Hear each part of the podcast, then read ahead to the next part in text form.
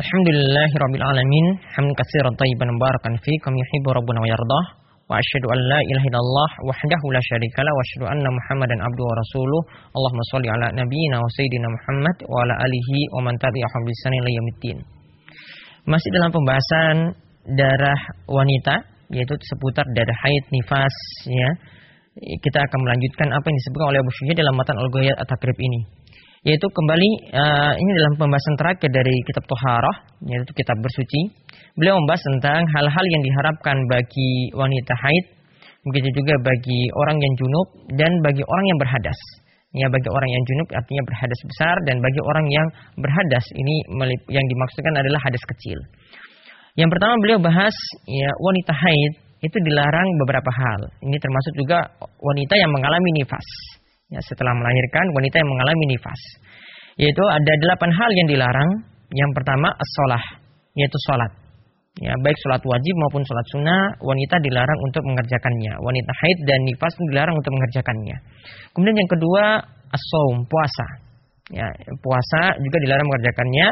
Namun untuk sholat tadi ya tidak dikodok, tidak diganti di waktu yang lainnya. Namun untuk puasa itu harus diganti di waktu lainnya. Dia harus mengkodok puasanya wanita haid maupun wanita nifas. Kemudian yang ketiga kiraatul Quran. Ya, membaca Al-Quran. Membaca Al-Quran bagi wanita haid dan nifas menurut mazhab Syafi'i ini terlarang.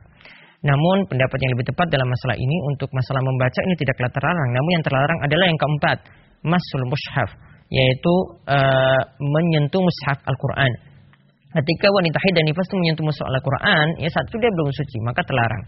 Karena keumuman hadis dari Nabi SAW, La yumusul Quran illa tahir. Tidak boleh menyentuh Al-Quran kecuali orang yang suci. Maka termasuk juga di sini adalah wanita haid dan nifas. Tidak boleh menyentuhnya. Namun kalau membaca, tidak ada larangan. Hadis yang melarangnya adalah hadis yang lemah. Kemudian wahamluhu juga dilarang untuk membawa Al-Quran karena di sini termasuk bagian dari menyentuh. Kemudian yang terlarang lagi bagi wanita haid dan nifas adalah dukhulul masjid. Ya, dukhulul masjid yaitu masuk masjid. Hal ini ada perselisihan di antara para ulama, ya. Kalau dalam mazhab Syafi'i, wanita haid dan nifas itu dilarang masuk masjid. Namun, wallahu alam pendapat yang lebih tepat dalam masalah ini adalah wanita haid dan nifas masih diperbolehkan masuk masjid karena pernah Nabi SAW itu pernah menyuruh kepada istrinya Aisyah radhiyallahu anha untuk mengambil ya sejadah di masjid. Kemudian Aisyah mengatakan pada Rasul, "Wahai Rasul, saya itu dalam keadaan haid." Ya, kemudian Nabi SAW itu mengatakan haidmu itu bukan karena sebabmu. Artinya itu sudah jadi ketentuan Allah Subhanahu Wa Taala. Artinya Nabi SAW tidak melarang Aisyah masuk masjid untuk mengambil sejadah tersebut.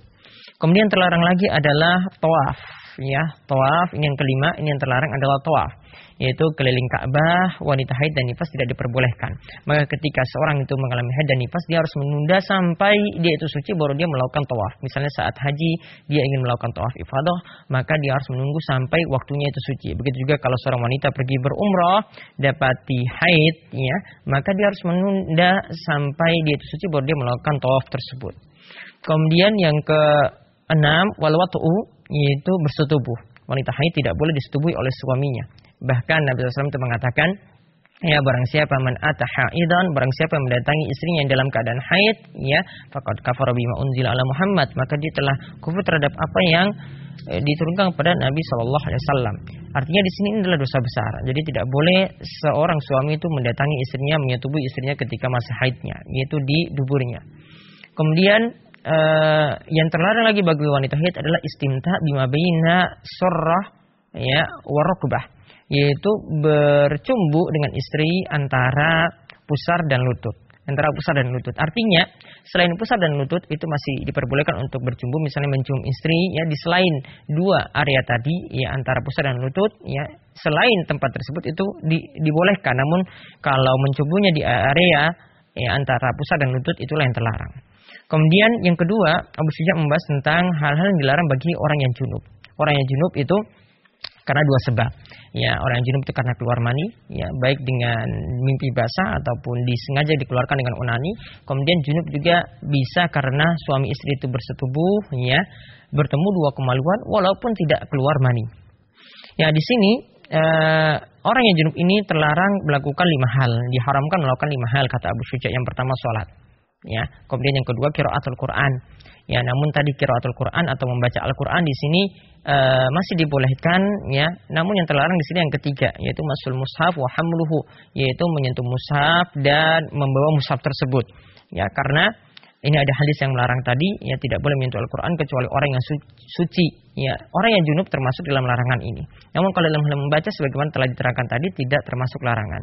Kemudian uh, yang keempat tawaf yaitu tawaf keliling Ka'bah.